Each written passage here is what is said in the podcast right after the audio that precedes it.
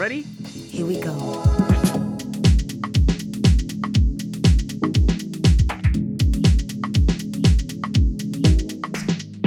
Hej! Välkommen med till Hantera dina fyrk. Här pratar vi om pengar och ekonomi. Med teman som är relevanta för oss alla. Jag heter Ronja. Och jag heter Ida. Och dessutom har vi med oss olika experter då vi diskuterar. Välkomna med. Välkomna med till Hantera dina fyrk. Idag så ska vi prata faktiskt en hel del om FPA. Och det där, jag tror att det här är någonting som, som många stöter på och, och vad heter det, man, man möter olika stödformer och, och funderar upp och ner under sin livstid så att säga. Och idag ska vi dyka in extra mycket i det som du tangerar under din studietid. Och det är inte bara jag och Ida i studion, för vi skulle inte kunna svara på de här frågorna, utan vi har faktiskt glädjen att ha med oss Mikaela. Hej och välkommen! Hej och tack så mycket för att ni ville ha mig hit. Hör du, vi vet ju lite om dig redan, men våra lyssnare vet inte så mycket, så vill du berätta lite vad du jobbar med och, och vem du är, så att säga? Ja, då heter jag Mikaela och jag är gift och har barn i åldrarna 6 till 17 år och jag jobbar vid Folkpensionsanstalten som kundservicerådgivare. Och det bästa med mitt jobb är att man möter olika slags människor med olika livsöden och kan hjälpa dem. Nåja, vad heter det? Vi är så glada att få ställa alla de här frågorna som, som många undrar på och, och få direkta svar. För emellanåt kan det kännas som en liten djungel när man försöker ta reda på vad man har möjlighet till och, och vad man kan få för hjälp och vad man inte kan få för hjälp. Och det där, du jobbar ju som sagt på FPA, men vad är FPA egentligen? Ja, FPA är då Folkpensionsanstalten som är en självständig socialförsäkringsmyndighet som står under riksdagens tillsyn och som har en egen förvaltning och ekonomi. I princip behandlar vi förmåner som är då från livets olika skeden, allt från föräldraförmåner, barnbidrag, studieförmåner till pensioner och allt däremellan. Så det är en bred skala av olika saker som ni tangerar? Ja, egentligen från födseln till det att man tyvärr avlider. Precis. Men idag ska vi prata om någonting som oftast sker ganska tidigt i livet och det är att studera. Och det där, um, ja, eh, vi tänkte att du skulle få berätta åt oss lite mera idag om studiestöd och studielån. Men vill du först öppna upp först studiestöd? Vad är det?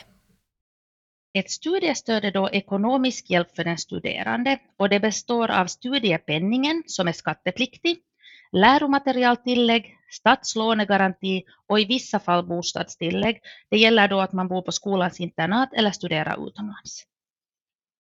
Precis. Och vem har rätt till studiestöd då? Vem kan ansöka om det? Man kan söka som gymnasiestuderande, yrkesstuderande, högskolestuderande, men då gäller det att man inte enbart studerar på öppna universitetet, utan det ska på något vis höra till dina andra studier. Och sen även vid utlandsstudier. Okej. Finns det några andra krav då för att du ska få det här stödet? Eh, kraven är att du måste ha heltidsstudier i minst två månader och tillräcklig studieframgång. Och den här studieframgången kollar man lättast med att fara in, på våra nätsidor, för där finns räknare och där finns också all information som man kan behöva gällande det här. Okej, nå finns det då några an, nå andra begränsningar? Eh, det finns begränsningar. Föräldrarnas inkomster då du bor hemma. Inte heller tillräcklig studieframgång och egna inkomster om du jobbar. Och där lönar det sig att kolla då webbsidan och chattrobotarna och man kan ställa frågor via meddelande via tjänsten. Sen är det det här evigt omtalade om, som studerande alltid håller koll på när de, när de jobbar, att det finns inkomstgränser som, som sen efter det kan då påverka. Så hur ser de ut och hur fungerar det? Det finns listor på vår nätsida som har med årsgränser och för år 2020 så och 2021 så är det samma årsingresser, så de hittas på nätet. Så lyfter du 12 studiemånader så får du endast tjäna 8 352 euro på hela året.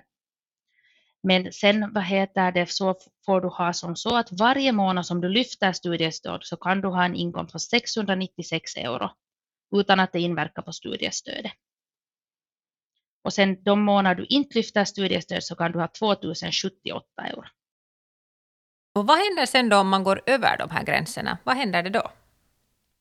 Om man går över årsgränsen så kan man återbetala studiestödet. Det gör man lättast via nättjänsten.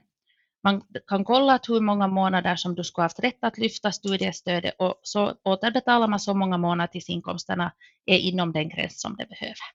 Okej, Man kan alltid ställa frågor till oss, det är ganska enkelt. precis. Det, finns det några andra bidrag som kan påverka studiestödet då? Och dens mängd, så att säga.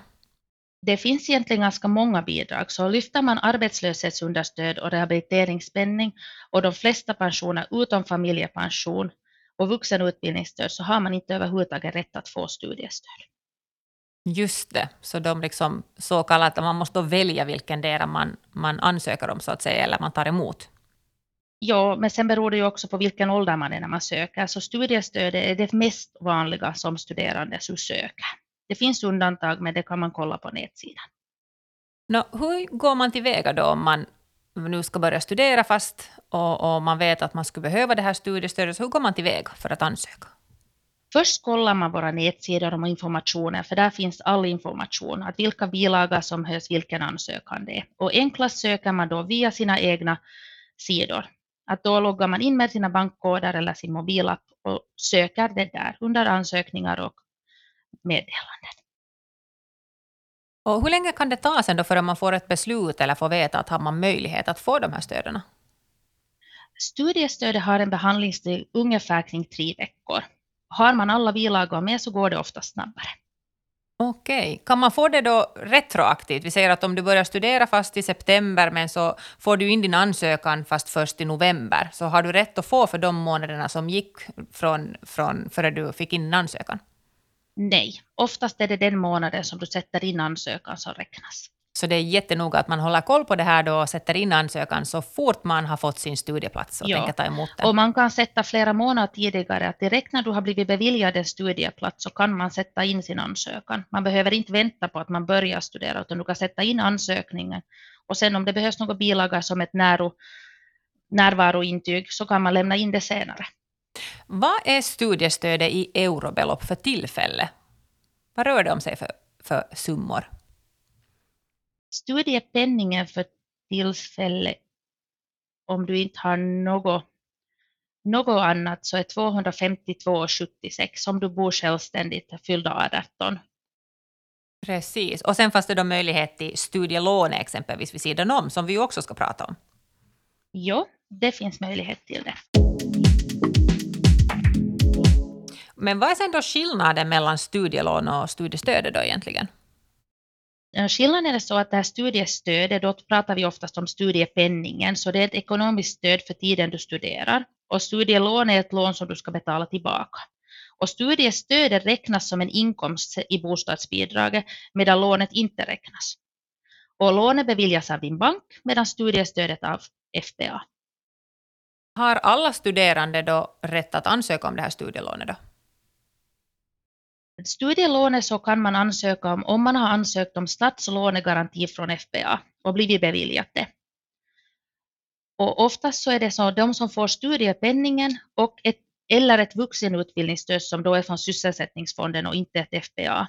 Och det finns några andra situationer som också kan ge rätt till lånegarantin och där rekommenderar jag att kolla webbsidan för den informationen hittar man där. Och om jag förstår dig rätt så börjar man alltså då med att ansöka om den här låneborgen och fyller i de lapparna och sen själva lånet då söker man sen då från banken, är det så det fungerar? Exakt så är det. Och studiestödsansökan så kan man kryssa i färdigt att man söker den här studielångarantin på samma ansökan som man söker studielån. Så det behövs inte en skild ansökan för dig, utan på samma ansökan så kryssar man bara för att man söker också studielån. Nå, eftersom lån ju oftast då betyder att det är, någon, det är liksom pengar du lånar och då ska du betala tillbaka dem, men hur fungerar det med studielånet? Tillbakabetalningen? Det finns sånt om att man kan få studielånsavdrag, studielånskompensation eller räntebidrag. Och det beror på när du har börjat studera. Så den informationen lönar det sig att kolla upp på våra nätsidor.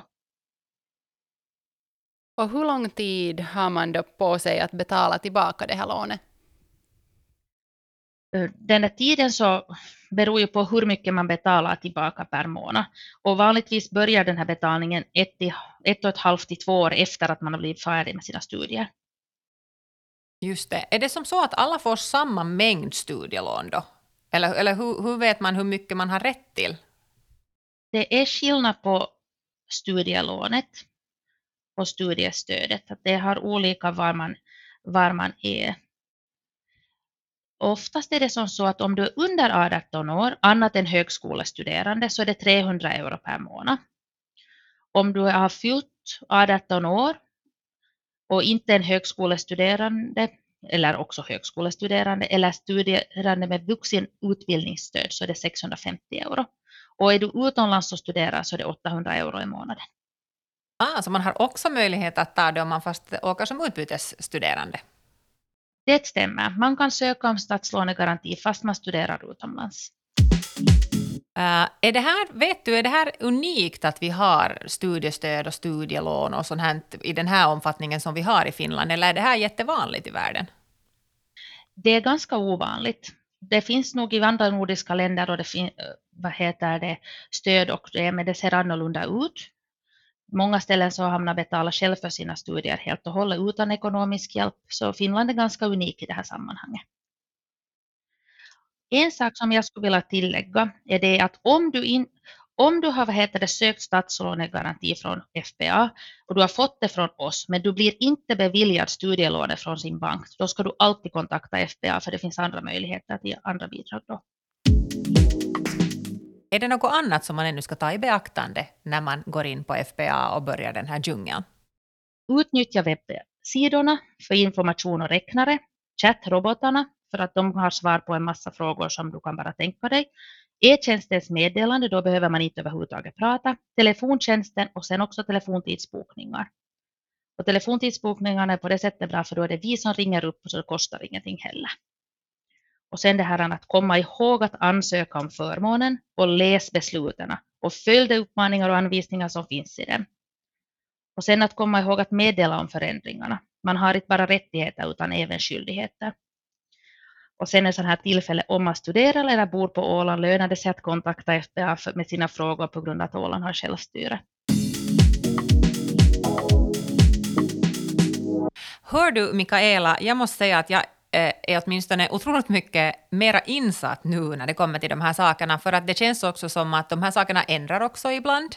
Och, och det, där, det är bra att hålla sig uppdaterad och, och kolla vad som gäller just nu och vad som gäller just för dig. Så tusen, tusen tack att du har kommit med med oss hit i studion och hjälpt oss att få ut ordet om en så viktig sak som gäller alla som vill åka ut och studera, så att man har koll på den här saken. Tack så mycket att ni ville ha mig hit. Ha det bra! Vi hörs igen. Hej då! Den här podden produceras av Finlandssvenska ungdomsförbund i samarbete med oss från Etosova Spara. För mera info, gå in och kolla webbsidan fsu.fi fyrk och följ oss på Instagram.